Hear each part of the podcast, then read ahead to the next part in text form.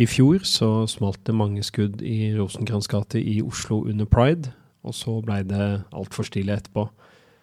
De siste ukene så har vi endelig fått en skikkelig debatt om det som skjedde, og det er bl.a. takket være Dan Bjørke i eh, Oslo Pride og de andre skeive organisasjonene som bl.a. har utfordra regjeringa på deres håndtering av terrorangrepet. Dan tok seg også tid til å komme hit til Rådhusgarasjen, både for å snakke om terroren og stillheten etterpå, og om bråket de siste ukene. Dette her er Rådhusgarasjen. Mitt navn er Eivind Tredal. Jeg er daglig gruppeleder for Miljøpartiet De Grønne i Oslo bystyre. Og hvis du liker denne podkasten, så er det bare å uh, abonnere i din foretrukne app og dele den med andre. Ålreit, da sier jeg velkommen. Takk for at du tar deg tid. Dan Bjørke fra Oslo Pride. Takk for det. Du har akkurat vært, eh, du kan fortelle hvor du kom fra akkurat nå? Nå kommer vi fra Grønland. Da har vi malt uh, fotgjengerfelt i regnbuens farger. Ja. Oslo uh, sin Det er jo fast startpunkt for paraden på pride ja, på absolutt. Grønland. Ja, hvert år. Ja, jeg hadde, jeg hadde en, en, av mine morovideoer hvor jeg gikk der en gang. og mm. Det var rett etter at han Peter Sweden, han som er en sånn høyrevridd influencer, hadde gjort et poeng ut at det var sånn no go zone på Grønland. Så da filma jeg meg sjøl på pride mens jeg lot som om jeg trodde at alt var islamisering. Så jeg, jeg var liksom This is very scary! Men uh, det er jo kanskje ikke alle utafor Oslo veit at uh, på det mangfoldige Grønland så starter mm. pride, uh, og nå er det også blitt i regnbuens farger. Absolutt. Og i går, da vi ja. spiller inn dette, så var justisministeren uh, sto skolerett for Stortinget og ja. prata om ja, etterspillet ja, fra i fjor. Ja. Mm. ja. Kona mi var der og grilla henne, så jeg var der ikke i salen sjøl, men det hørtes ut som en tøff runde. Mm. Jeg vet ikke om vi skal starte der. Det er liksom en intens innspurt inn mot pride, og en veldig annerledes uh, feiring i år. Definitivt. Det bakteppet fra i fjor legger jo eh, føringene for hvordan det er i år. Og med den rapporten som kom eh, 8.6 om det som skjedde 25.6 eh, og terrorangrepet, så er det et annet bakteppe. det er jo hun var jo på Stortinget i går, la frem eh, rapporten. Eh, orienterte Stortinget. Det føltes jo veldig formelt. Det mm. følt, mm. Fordi innholdet i den kan vi jo, og kritikken av denne rapporten har vi jo kommet med tidligere i uka. Eh, og, og, tiltakene har hun jo ikke på plass ennå. Mm. Eh, så vi fikk jo ikke sånn kjempemye ut av akkurat den eh, høringen der. Eh, bortsett fra at det ble sagt noen gode ord fra opposisjonen. Ja. men vi er mest opptatt av de tiltakene. Altså. Hun må komme på banen og Mm. Og komme med noen tiltak. Uh, ja. Det var jo en uh, veldig sånn uh, for, for, å gi rådhusblikket på dette, ja. så husker jeg i fjor da vi uh, for det første Vi var akkurat ferdig med bystyrets møter. noen av oss hadde reist utenbys, og så skjedde jo dette, terroranslaget. Mm. og vi fikk jo brifinger både fra ordfører og etter hvert fra byrådsleder og politi og andre. Uh, men det var jo Vet ikke om vi skal starte der. Det var jo en uh, fryktelig vanskelig runde egentlig hele veien de første månedene. Vi fikk mhm. liksom aldri sydd igjen det såret helt uh, i Oslo. Det er kanskje liksom det jeg satt igjen med, den følelsen av liksom at det bare fisla ut i fellesferien, liksom. Et terrorangrep skjedde, og så bare blei det litt stille. Jeg tror det er veldig mange som satt igjen med akkurat den følelsen. Mm. Eh, det, det, det, sterkeste minnet fra de, fra de, dagene i etterkant av skytinga var jo eh, Se for deg et, eh, et, konferanserom, som da var liksom kriserommet vårt. Mm. Eh, det er ekstremt høy aktivitet. Vi skal ha, på to dager så skal vi ha eh, scene, teknikere, sikkerhet. Eh, vi skal ha artister på scenen.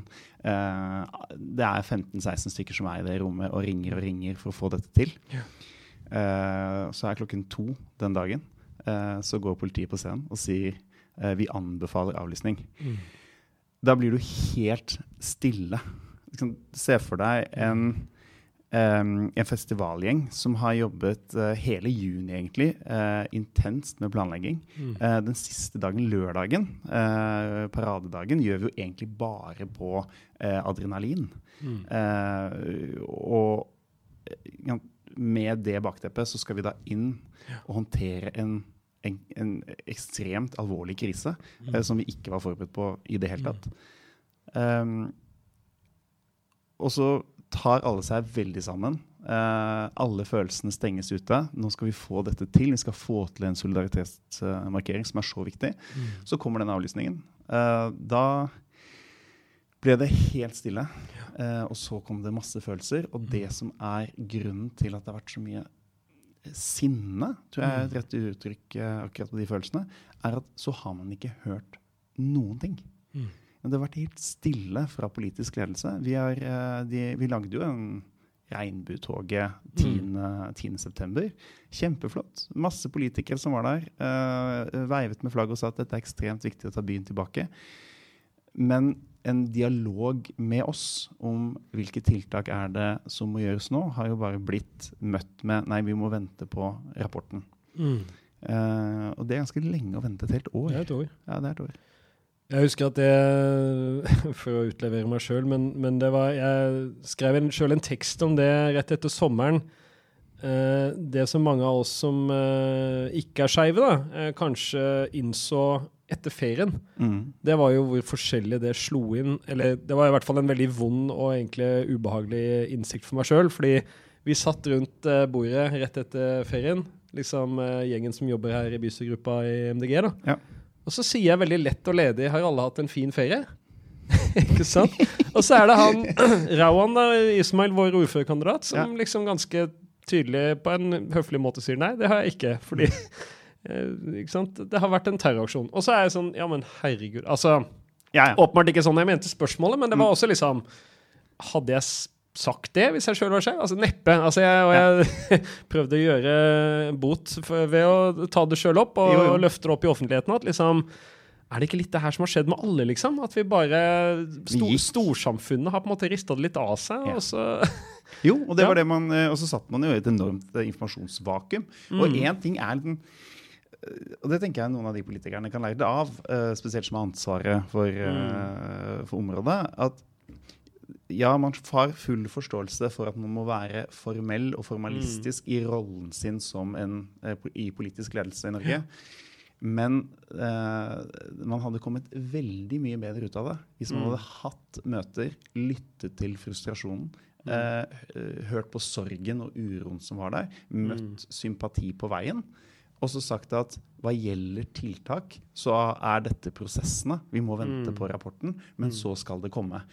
Eh, og så kan man jo begynt lenge før denne rapporten kommer, og snakket om hvilke tiltak eh, man ønsker seg, eh, ser for seg. Eh, ser for seg. mm. Fordi det, var jo ikke noe mangel på advarsler om hat og vold i forkant av dette terrorangrepet. Hvis du spør skeive, så er det veldig mange som sier Var det sjokkerende? Ja. Mm. Men var det overraskende? Mm. Nei. Nei, og det, det er jo veldig mange ting som har kommet fram nå. I, jeg, jeg var jo på en måte positivt overraska over at rapporten var så tydelig som den var, for det var jo bekymring for at den også ikke var gitt et tydelig nok mandat til til å se alt godt nok i sammenheng. Ja. Eh, allikevel så var den jo veldig, veldig kritisk, både på etterretningsarbeidet i forkant, eh, og der kommer du inn på det som har vært tatt opp, at Én ting er jo å følge med på de aktuelle miljøene, men har man også fulgt med på de som blir trua? Har Ja. man snakka med dem? Nettopp. Fordi, og jeg vet det selv, altså uten sammenligning for øvrig, eh, jeg har mottatt sinnssykt mye trusler i min jobb. Mm. Jeg har jo nesten ikke anmeldt noen av dem, for jeg orker jo ikke å drive og fly ned til Grønland politikammer hver gang noe skjer. sant? Mm. Så det er noe med at hvis du, hvis du hadde ringt meg og spurt, da har det dukka opp noen trusler sist, ja, ja, haugevis, men altså, Ja. jeg rekker jo ikke å liksom ta det for det må jeg sette av tid i løpet av hverdagen. Eller for ja. noen er det vondt og vanskelig, sant? så det er liksom bare sånn? Ja, 100 ja. Du, Mm. eh, Statistikken er jo tydelig. Uh, Politiets egne tall sier at 40% av skeive er utsatt for hatkriminalitet. Mm. Uh, 8% er det som eh, anmelder det. Mm. Så, så det er det, det er, De har ikke noe godt uh, grunnlag for å kunne liksom vurdere så godt altså, Det har i hvert fall vi ofte sittet med også i, i andre kontekster, da, sånn som fordi MDG-er ofte er utsatt for mye dritt. Mm. At det vi får, har fått beskjed om i noen sammenhenger, er bare husk å anmelde, og så skal vi telle opp og se hva vi skal gjøre. sant? Og da blir det litt sånn ah, mye jobb, da. Ja. liksom. og, og kanskje heller vi skal ha liksom Og det føler jeg politiet i noen sammenhenger har bedre, blitt bedre på, da. Men Mm. at liksom kanskje det er bedre å ta noen hyppigere møter og spørre hva har skjedd siden sist, og ikke sant. Som du sier, Definitivt. da. Ja, Og, ja. og det er jo eh, de, det vi har eh, Altså vi har hatt et godt samarbeid med, eh, med PET, altså PST i Danmark. Mm. Og de sier jo nettopp det at det å ha hva det, Hvis vi ser hva som mangler, da, Mm. så mangler det på en tillit. og så mangler det på en uh, trygghetsfølelse. Mm. Og det at uh, sikkerhetstjenestene i Danmark er så tydelige på at de snakker med trusselutsatte, mm. det har av de evalueringsrapportene som har kommet, ført til to ting. Det ene er at trusselutsatte føler seg tryggere, mm. og de har større tillit til det arbeidet som, som, gjøres. For der har jo tilliten både vært lav og blitt lavere fra det skeive miljøet til politiet. Ja, absolutt. Mm. Ja, 100 uh, eh, Og så skal vi på en måte skille litt mellom det operative Oslo, mm. uh, Oslo politidistrikt og den jobben de gjør, knyttet til vårt arrangement, som er helt fantastisk. De legger ned masse ressurser. Mm. Men, men, det er noe systemisk der på, på, i andre etater som vi ser for oss at det burde endres litt på. Så er det jo justisministerens egen rolle, da, som du sier det der med å følge opp og være på, eh, på si, tilbudssida i forhold mm. til ja, bare kanskje å vise medmenneskelighet. Ja. Eh, jeg tror hun har masse av det, men hun har vel liksom ikke klart å nå igjennom. Og det ble jo veldig tydelig det medieoppslaget for en to ukers tid siden, vel da Du var vel med der, du ja. dere sa at vi vil ikke stille opp på noe selfies. Nei, vi vil ikke liksom Du har ikke fortjent det. Hun fikk ikke noen bilder den dagen. Det blei også påpekt at hun hadde tatt en tur eh, ut med utenrikspolitiet i Vestfold for å fakke fartsforbrytere på ja. første anledning til å møte skeive organisasjoner etter terroren i fjor. Nettopp. Så det der har kommet veldig skeivt ut, veldig. er vel inntrykket. Ja, ja. Og det er jo helt absurd, for det, det kunne jo vært en politisk seier for justisministeren hvis hun hadde bare hatt dialog. Mm. Eh, det har hun valgt ikke hatt. Så, så vi er skuffa, men også litt overraska over uh, hvilke råd hun får. Uh, mm. om hvem er det som uh, har ikke plukket opp at mm. det er en god idé å snakke med folk som har opplevd terror. Ja, og det har hun vel også gjort i andre tilfeller. Eh, Kongsberg eh, skrev altså, det, har, det, har, vært traumatiske hendelser også på hennes vakt hvor hun kanskje tilsynelatende har vært med på hugget. da, ja. Uten at jeg skal legge noe i det, men, mm. men her er det åpenbart eh, Jeg syns den biten av det er det kan, det kan, jo virke på noen som ja ja, pirk, liksom, men det er ganske viktig. om ja, man føler at myndighetene er der og lytter. Absolutt. Jeg tenker det. Og, og uh, det, det, har vi jo uttrykt også når vi mm. sitter i møte med henne. Det er jo ikke noe tvil om at uh, justisministeren har empati, uh, og at hun, er, uh, bryr seg om det skeive miljøet.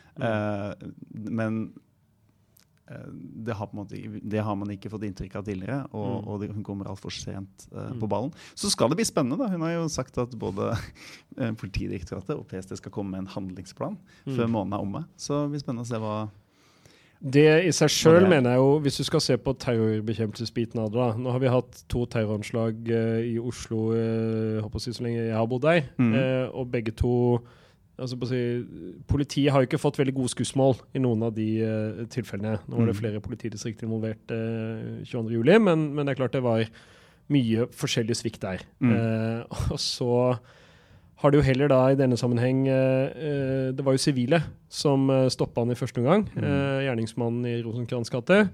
Eh, også i Bærum, under terroren i, i, 2019, så var det jo faktisk to sivile som la han i bakken. Da kommer riktignok politiet relativt raskt. Men mm.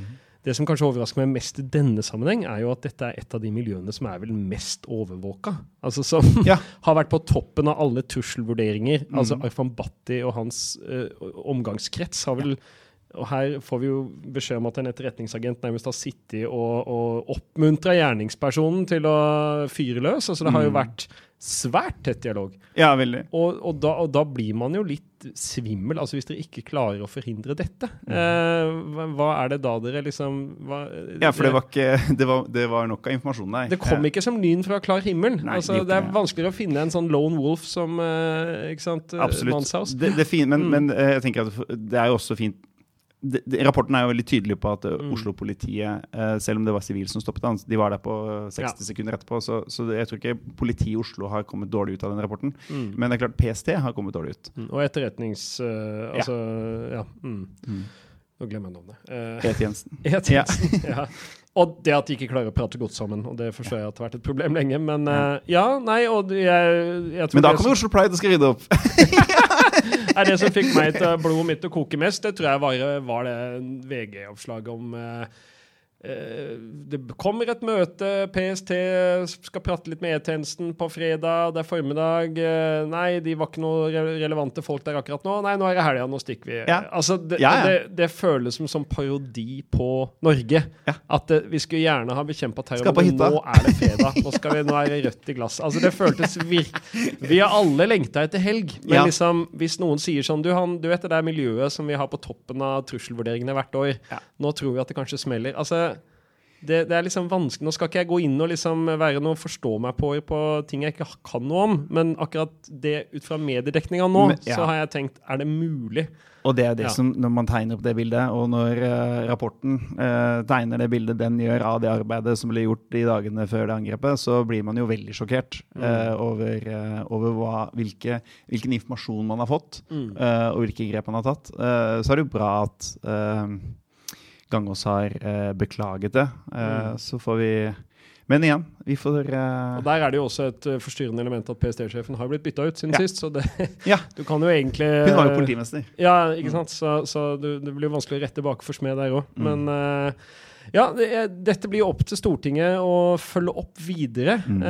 jeg syns jo det i seg sjøl. Men det, det, som kanskje er mest Oslo-relevant for meg, blir jo også litt åssen byen får tryggheten tilbake. Mm. Og da vil jeg egentlig hoppe tilbake til det vi ikke fikk. ikke sant? Rosetoget etter 22.07 var kanskje en av de liksom viktigste ja. sammensveisende opplevelsene vi hadde da. At, og jeg var for så vidt utenlands, men eh, det har liksom festa seg hos alle. at mm. da tok vi til gaten. Og så vidt meg bekjent, så var det jo ikke totalt åpenbart at det var jeg håper å si, smult farvann, at det ikke fantes noe risiko mm. ved å ha et sånt tog den gangen.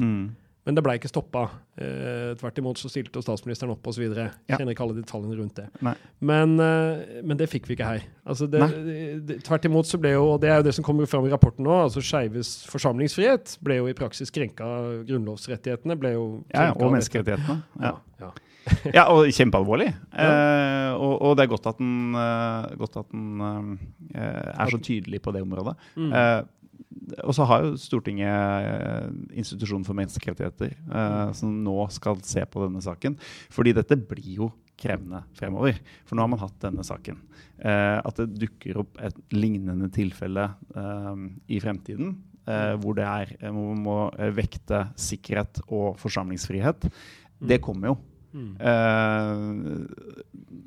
derfor er det også utrolig viktig at den altså institusjonen for menneskerettigheter som ligger under Stortinget, er, altså kommer med noen mm. svar. For én ting er den rapporten, men man må få eh, Hvis ikke så kan det jo bli veldig, veldig krevende. For det, mm. det er jo ikke noe det er ikke noe tvil om at politidirektørens hensikt mm.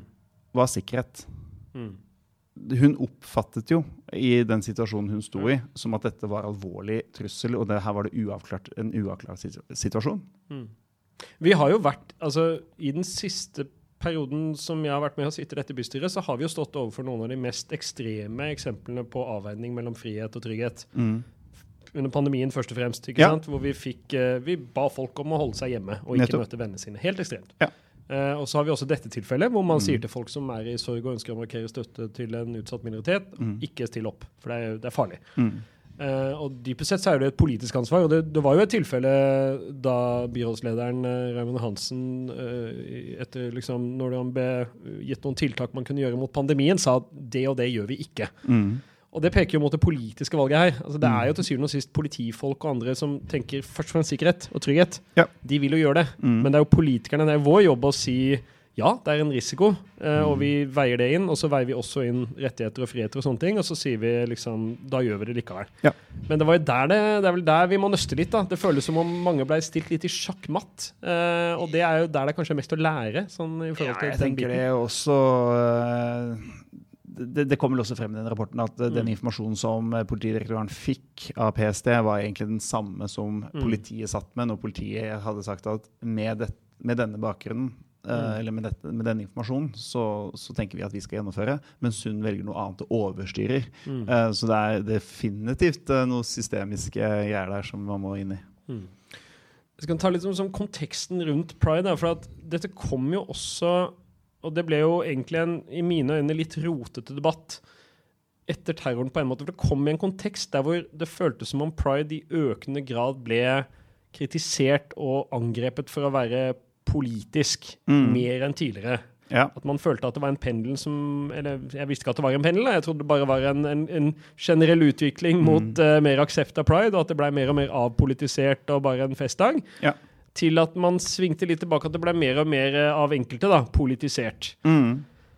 Og så rett etter terroren så var det jo mange som trakk fram det. Og så var det jo akkurat som at når man skjønte at det var et islamistisk miljø, så, så hang jo ikke resonnementene 100% sammen alltid. For det var jo åpenbart ikke høyreradikale krefter i den tradisjonelle liksom, altså sånn de var jo ikke inspirert av amerikansk høyreside eller noe sånt, disse islamistene. Ja. Men man kan veldig lett se at det er deler av de samme reaksjonære ideene i forskjellige tapninger. Men Ja.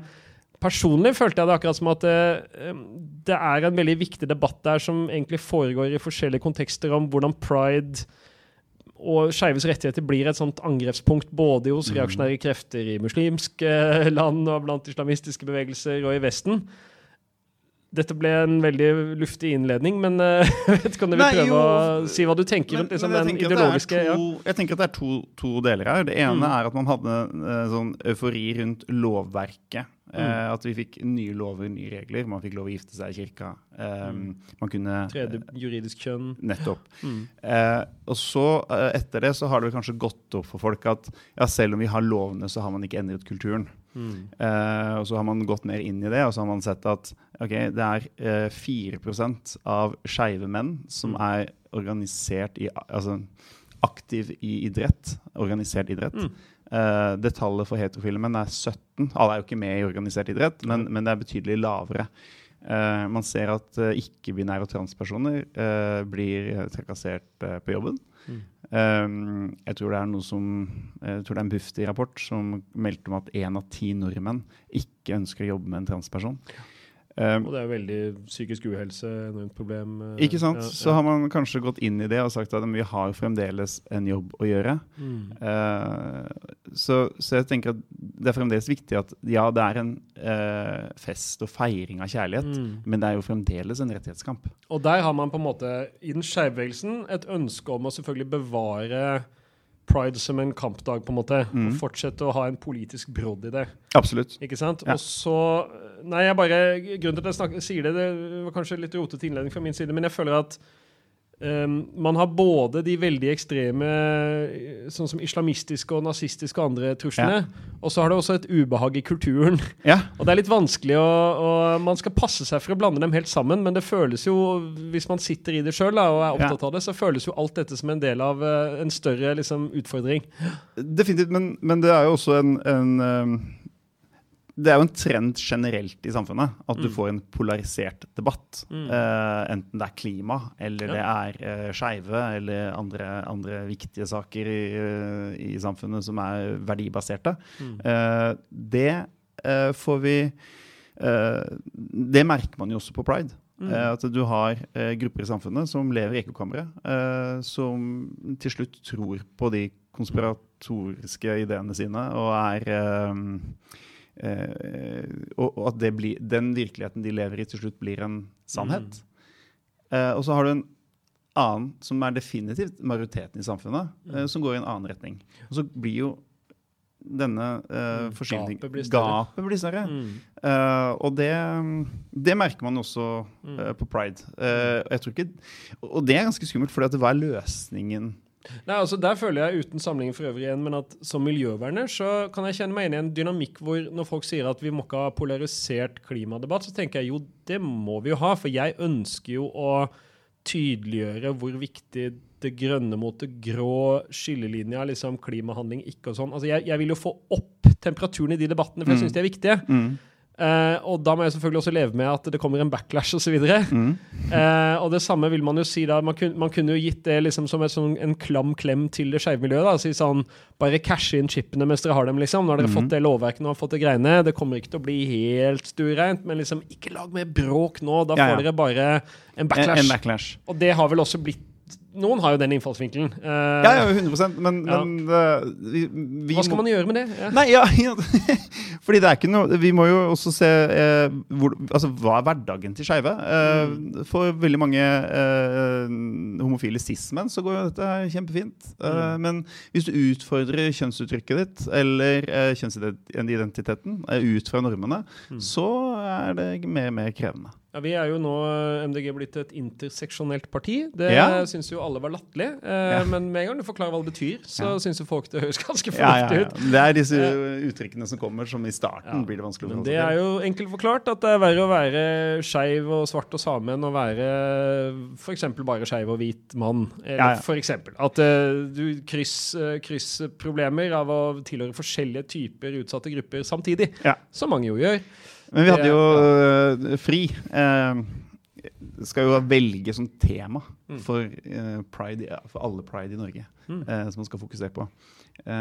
og så kom de opp med ideen interseksjonalitet. og vi bare Å, hvordan skal vi kommunisere det? Mm. Er ganske krevende uh, tema. Ordet er i hvert fall vanskelig for folk å skjønne med en gang. Ja, ja og, og, bortsett, ja, helt til man liksom, vi tenkte at det kommer fra ordet intersection. Uh, ja. At man står i et veikryss, uh, og i det veikrysset så får, blir du møtt av mange fordommer og, og, mm. og, hat, fordi at du representerer flere minoriteter. Så, så, vi begynte å leke oss litt med det. men det er et krevende krevende mm. tema å, å, å, kommunisere. Men uh, jeg syns det var en av de gøyeste takesene på interseksjonalitet. Det var vel i Morgenbladet jeg husker ikke om det var Lene Lindgren eller hvem det var som skrev, men det var i hvert fall at hun poengterte at de som er for opptatt av menns rettigheter, ja. de peker ofte på at jo, men mange, alle menn jo ikke, har jo ikke overtaket. Noen menn er, kommer jo fra en lav økonomisk status. De har mm -hmm. kanskje mange plager i oppveksten osv., så, videre, så, videre, så er det sånn Ja, det er en interseksjonell analyse. Nettopp. Ja. da, har du, da, har du, observert at uh, det, det, går an å tilhøre en slags minoritet på noen måter, samtidig som du ja. det, så, så, alle de som er opptatt av uh, Eh, er med i mannsforum og opptatt av menns rettigheter, de bør selvfølgelig slutte seg til at interseksjonalitet er en fornuftig uh, prisme. Ja. ja. Og mm. egentlig pride, fordi mm. uh, det er jo Én ting er jo seksualiteten, uh, mm. som er en del av pride, men det andre er jo også kjønnsmangfoldet, eller kjønnsuttrykk. Mm. Og, og, og, en ting som hadde en fantastisk debatt på TV 2 for noen dager siden, hvor noen påpekte dette med at men hva kommer til kjønnsuttrykk, mm. så er det ganske mange eh, heterofile menn som føler at sitt kjønnsuttrykk ikke er akseptabelt lenger. Mm. Men når vi sier at ja, det skal jo være et samfunn hvor alle kan være seg sjæl, mm. så inkluderer jo det inkluderer hele, mm. hele skalaen. Ja, for det, det, har vært min hot take i flere år. da, som har vært sånn, Jeg er cis-mann og streit. Mm. Og for meg er det utrolig deilig med eh, kjønns, både kamp for på en måte kjønnsmangfold og seksuelt mangfold, for at mm. det utvider rammene for oss også. Definitivt. Vi hvite cis-menn vinner alltid til slutt. Ja. Det, ja. det er liksom, Dette er deres frigjøringskamp. Ja, men det blir jo liksom det, Tenk på hvor mye hjernekraft uh, hvite heterofile cis-menn har brukt på ikke framstå homo eller ikke ja. virke veik eller må ikke gå med ikke, ikke være en tøffelhelt. Alt det der smelter jo også bort. Absolutt. Ja, ja, så, så pride er også for uh, Med frihet for alle. Jo, jo, ja. men jeg syns det er liksom sånn, uh, et aspekt som jeg egentlig tror veldig mange menn bare siden vi fikk uh, pappaperm, liksom. Mm. Altså utrolig mange moderne menn, og det er stort sett alle under 45 i dag, da, mm. som har barn og sånn, kan jo se tilbake og si ah, utrolig deilig med den likestillingen mellom kjønnene, liksom. Ja. Jeg blir kjent med ungene mine, jeg mm. har mye mindre liksom sånn jeg må ikke håper å si, alltid åpne syltetøyglassa eller hogge ved, eller hva nå enn man gjorde før, da, for å vise sin manndom, liksom. Eller aldri gå til legen og så dø av hjerteattakk fordi ja. man skal tøffe seg, liksom. Så, så, det er noe med sånn Jeg syns man skal utvide perspektivet. Men akkurat ja. den kjønnsgreia er jo Mm. Det føles jo som om det er der Det tror jeg ikke det gjelder for Batjo-gjengen. Jeg tror de hadde hata uansett om det bare var eh, homofile. De, de, legger lista lavt for hat. Det har jeg inntrykk av. Men det er vel den transdebatten som egentlig liksom er elefanten i rommet her i forhold til politisering av pride de siste åra. Det er vel der Absolutt. det liksom har blussa mest opp. 100%. Det var så veldig sånn mask off med Donald Trump nå for et par dager siden, hvor han står på talerstolen. Ja. Og så sier han når jeg snakker om skattekutt, så bare begynner dere å gjespe og sånn. Når jeg snakker om transgreier, da jubler dere! Ja. Og, så, og, så, sier han plutselig det var ingen av dere som visste om det ordet for fem år siden engang! Ha-ha! Ja. Og da sa han 'he's giving up the game', liksom. Han bare, Dette er bare en helt ny greie. Vi har funnet en ny ting som alle kan hate. Ja. Og så bare fyrer vi løs mot den minoriteten. 100% det er jo det, Man kan jo bli ganske forbanna bare tenke på det, liksom. Ja, Hvor, det, det, er jo, dette er jo bare mennesker som uh, har det. Uh, se for deg én ting er at du skal gå til foreldrene dine, og så skal du si jeg er homo eller lesbisk mm. eller bifil. Ja. Det er ganske krevende å si nei. Mm. Uh, dere har opptatt meg som en mann, mm. men jeg er en kvinne. Ja. så vi har en kjempe kjempelang vei å gå uh, for mm. at uh, de skal bli inkludert og føle tilhørighet i det samfunnet vårt. Mm. Så jeg tenker at der er også Og da tror jeg vi bare må snakke mye om det. Mm. og så er det kan, er det jo ubehagelig. Det er nytt mm. uh, for mange.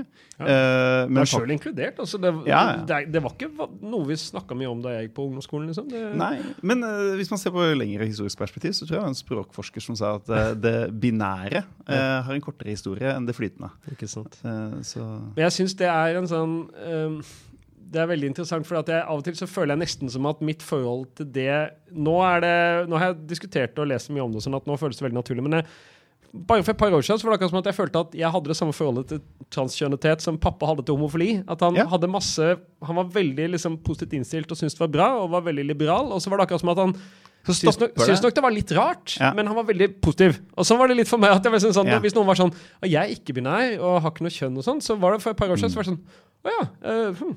Og, og, så var jeg Ja, ja, så bra. Men mm. det, det, var jo ikke jeg, Altså, jeg, jeg syns det var litt pussig. Eh, det var ja, bare det jeg mener. Så, så den, at, til og med meg sjøl kunne jeg kjenne på den, at, og det er sikkert de fleste, da, ja. på et eller annet nivå, at uh, det er nytt på mange måter. Og så er jo ja. Mm. Ja, og derfor så tror jeg at det må man møte med bare å snakke mer om det. Uh, mm. Fordi ser man på deres livskvalitet, så er den jo kjempelav i forhold til resten av samfunnet. Mm. Uh, og, og, de har uh, jeg, jeg, tror det er få som, uh, at, uh, som er transpersoner, som tenker at dette er et internettfenomen. Ja. Uh, jeg tror det. jeg tror de, ja. Ja. Men det er egentlig det som er helt forferdelig med det, er jo at man resirkulerer nesten all den dritt man har pleid å slenge mot homofile tidligere. Mm. Altså at man eh, Ja, de homofile de er ute etter barna våre, de, mm. driver, de er noen uh, groomers som skal ja. ikke sant, Og så videre, og så videre. Og det er smittsomt. Og hva med, hva med garderobene? Hvordan skal ja, det gå der? Altså, vi, det var jo sånn vi holdt på da jeg på ungdomsskolen. Å oh, nei, tenk om det er en homo i garderoben. Jeg husker det selv jeg var fotballspiller. Ikke sant? Og, nå, og nå, er det, nå, er det, trans, da. Og det er nesten sånn det er nesten parodisk hvordan så å si alt bare resirkuleres. Mm -hmm. uh, med akkurat den samme destruktive effekten. Men, uh, Men, det gode er at man jo kjenner historien til hvordan dette har utviklet seg med ja. uh, homofile, lesbiske og bifile. så vi får håpe at ja, Det gøye der er jo at når du minner folk på at det var ikke Når du sier cis, da. Jeg er ja. cis-kjønna. Du kan ikke kalle meg sis! Nei. Så jeg kaller du deg sjøl hetero, da? Ja. ja. hvorfor det? Ikke sant? Du kunne jo kalt deg vanlig, og ikke hetero. Sant? Ja. Men det, og det var jo nøyaktig den samme debatten for 30 år siden. Jeg er ikke hetero, jeg er bare vanlig. Ja. Nå er det sist, da. Så det er også sånn som uh, åpenbart tilvenningssak. Men jeg har liksom en sånn, nesten en magefølelse av at uh, det er jo en del folk som tror jeg bare har apropos ubehag i kulturen, da, bare bitt seg i og tenkt at faen, nå er det altfor upopulært å være homohatter, så det kan jeg ikke være lenger. Mm. Og så har den transdebatten gitt litt frie tøyler til å gulpe opp mye av de greiene. Dette Som man egentlig sitter inne med. Hobbypsykologi fra min side. Men også at det nærmest smitter litt over breiere på den skeive ja. bevegelsen igjen. At mm. liksom noen lar seg liksom Yes, nå kan jeg si hva jeg egentlig mener, jeg må bare bytte ut uh, homo med trans. Mm. Men så Nå skal en begynne å skifte skjenn nå. Ja, men så blir det også litt collateral damage kanskje at de også egentlig angriper de skeive generelt. Da. Altså bare det at regnbueflagget plutselig for noen blir sånn pedosymbol. Altså, det er jo helt absurd. helt absurd. Men dette har jo blitt en økende greie. Og jeg får jo de folka, ikke bare amerikanske nettroll, liksom, men det er jo nordmenn òg som lar seg smitte mm. av mhm. den reaksjonære bevegelsen som det er, da. Ja. Eh, ja, som riktignok ikke da tydeligvis hadde noe med denne terroren å gjøre, men der er vi over i ubehagekulturen både før og etter eh, pride i fjor. Og så blir det jo mm. sånn at når liksom, den største majoriteten i samfunnet er for, og alle skal flagge, og alle skal mm. vise at uh, de støtter uh, et mangfoldig samfunn, mm. uh, og det blir enda mer tydelig, så blir jo på en måte følelsen av at nei, nå må vi si ifra enda tydeligere, uh, mm. den ligger jo der. Så, så, man får liksom begge utviklinger mm. parallelt. Men det er der jeg liksom syns det er interessant å se generasjonsperspektivet. For jeg har inntrykk av at en del av de som kjempa for skeives rettigheter kanskje for 10-20-30 år siden, er litt på den derre la oss nå roe litt ned, mm. og liksom ikke don't rock the boat too much. Mens de som er en generasjon yngre meg igjen, altså sånn uh, generasjon Z som det kalles, de ja. er jo mye mer hardcore på særlig kjønnsmangfold og sånne ting. Absolutt. Hvor det virkelig smeller. Ja. Uh, jeg vet, Kan du si noe om liksom, internt i den skeive bevegelsen? Er det, dette er ja, en utenfra-diagnose? Ja, ja, uh, ja, men jeg tenker at uh, du er på ballen. delvis, i hvert fall. Mm. det kan jo det, jo, det, er jo enkelte liksom, av den eldre garde i det skeive miljøet som eh, ikke har noe forhold til trans i det hele tatt. Mm. Eh, og syns at det er like rart å snakke om kjønnsidentitet og kjønnsmangfold og, som eh, heterofilesismen. men uh, ja, Der er det vel til og med også, altså det, det, kjenner man jo til. altså Det fins jo folk som er uh, skeive som ikke liker trans, altså som mener at det er en misforståelse. altså Det er jo interne konflikter der også, eller debatter. Ja, 100 det, ja, ja.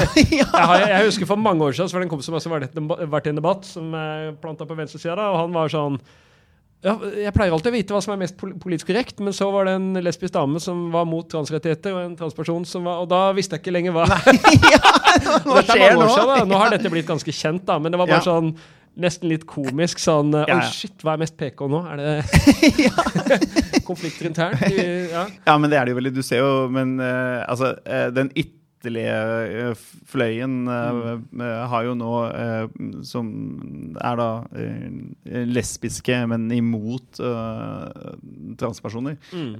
dukker jo opp sammen med Norsk motstandsallianse. Ja, du, jeg har dem oppe i mine mentions på Twitter òg. Jeg... Ja, ja, så det får helt absurde uh, samarbeid ja. uh, som er livsfarlig. Men uh, Vi hadde jo hun som Gevjon sånn ja. som var på Tucker Carlson, vel? Ja. ikke sant? Som jeg også tenkte Absolutt. sånn Dette er vel ikke Hun var på Fox News. Ja, mm. da er du kanskje Men kan, kan vel diskutere som du er i feil selskap. Ja. ja.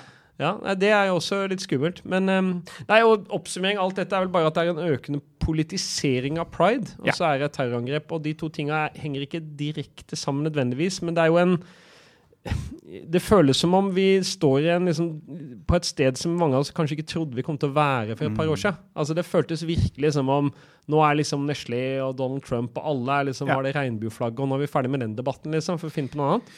Men jeg tror det er fint å ta det litt ned også. og tenke ja. at Pride handler om uh, at man skal kunne elske den man mm. vil. Og være den man er. Nettopp. Mm. Uh, Har jeg lært meg nå. ja, der ser du. Det er begge deler. Ja. Uh, men det, det um, jeg tror det er et viktig budskap å, å forklare det så enkelt. Mm. og så inne i den materien så mm. ligger det mye, spesielt på dette være den man er. Mm. men et, så, verdiene om et eh, mangfoldig samfunn. Eh, mm. At man ønsker at Eller man, man, må komme dit at mangfold er ikke bare akseptert. Det, mm. Man må se på det som en verdi i samfunnet. Mm. Uh, og der tror jeg vi har en uh, liten vei å gå. Jeg tror liksom, På den ene sida er det sånn klisjé å si at det har skjedd så mye. Det er jo sant. Jeg pleier å fleipe med at det var ingen homofile da jeg vokste opp, og det var jo veldig bra, for de hadde blitt sykt mobba. Ja. Men jeg mener sånn, det var jo ikke så veldig utbredt og ak akseptert, og mye har skjedd på kort tid osv. Ja. Samtidig så akkurat med det med tryggheten i gatene, det, det er jo det som har kommet mest fram. da. Det er, jo, mm. det er, jo, der jeg føler at vi som politikere, enten er her på rådhuset eller nasjonalt, ikke minst, mm. Egentlig nå har en helt sinnssyk oppgave. Altså, ja. det, er, det, føles som et år med liksom, svikt. Eh, ja. Også hvor det ansvaret skal plasseres. Det er jo liksom litt det som diskuteres nå på Stortinget og andre steder. Men mm det viktigste er jo en ting å plassere ansvaret, men å fikse det. ja. Det er en massiv jobb. ja, fordi jeg vet ikke om du vil si noe om det altså, eller, omformulere litt. Grann, det som plager meg, plager meg, mest, og som egentlig jeg har brukt mange år av livet mitt liksom, sikkert til sammen på å kverne på på forskjellige måter, var jo hvordan 22. juli etterspillet blei. Mm. Og en av de største sviktene som vi tok opp etter uh, ti år, uh, nå for to år siden, mm. det var at AUF ble sittende med så mye ansvar. Mm. Ikke bare for det helt praktiske oppgavene rettet til terroren, men altså for liksom hele samfunnet. Uh, Snorre Valen skrev en god bok om dette. Altså virkelig sånn og, og, og, det er litt der jeg frykter at den skeive bevegelsen kommer til å havne òg. Mm. At det skal være den skeive bevegelsens jobb nå å liksom fikse ting, roe gemyttene. Mens det kan jo ikke være. Nei, og jeg tror at du har helt rett i at det, det er også årsaken til at uh, mobiliseringen mot justisministeren ble så kraftig. Mm. Uh, fordi at man var rett og slett ganske nervøs uh, for at nå har det gått et år siden denne terrorhandlingen. Mm. og ja, vi har hatt et kort formelt møte i oktober hvor man lanserte utvalget. Mm. Fint, men bortsett fra det så har det ikke vært noen dialog. jeg tenker at den jobben kan ikke uh, de skeive organisasjonene, Oslo Pride eller Pride-arrangører mm. ja, Pride mm. rundt omkring i landet stå for mm. uh, alene. Der må vi uh, mobilisere. Men samtidig så, så, har det jo aldri vært større engasjement rundt Oslo Pride noensinne. Mm. Mm. vi merker veldig tydelig at deler av samfunnet som kanskje ikke har vært så aktive tidligere, mm. er veldig på ballen. Mm. Uh, en del idrettsmiljøer uh, og idretter som man tenker at tidligere har vært veldig sånn maskuline, mm. har selv tatt kontakt og sagt nå må vi gjøre noe. Uh, du får industriselskaper som også kan Deler av industrien som er forbundet med, med å være ganske maskulint, mm. er også på ballen. Så, så, vi ser jo en veldig sånn sterk mobilisering både fra industri, in, idretten, kulturlivet, mm. for å bli med på dette. Akademia, ikke minst. Ja. Så hvis Men, men um, Eh, akkurat dette med eh, politisk ledelse er også viktig at de kommer på ballen. Og ja, og jeg tenker altså Vi har jo Jeg kjenner jo flere skeive som stadig er usikre på om de har lyst til å gå mm. i år. Mm. Og da er det kanskje enda viktigere at alle andre stiller opp, da. Altså Det Absolutt. er lov å være der, selv om det ja, er teit. Ja. Så skal vi, når vi går i gatene så skal vi tenke at da går vi litt for dem også. Mm, jeg tror det er veldig viktig. Jeg, jeg, ser i hvert fall at jeg har håp for den yngre generasjonen. Jeg har jo da forklart dattera mi eh, på fire ja. um, Hun liker regnbueflagget veldig godt, og så forklarte jeg hva det betydde. Ja. Som jeg da har lært. Alle kan elske den de vil, og være den de er. Og så sa hun 'jeg er glad i alle, jeg'. Bortsett fra biler. Hun er blitt godt indoktrinert. ja. Det var nøyaktig det jeg ville høre. Så jeg er veldig fornøyd med oppdragelsen. Ja, det lover godt for den yngre generasjonen som vokser opp. ja, men de har hatt uh, masse regnbueflagg i barnehagen nå. Nei, men Ståle, jeg tror vi kan runde av deg. Mm. Tusen takk skal du ha. Så får vi I møtes i toget. Vi sannsynligvis. Ja, med et forhold.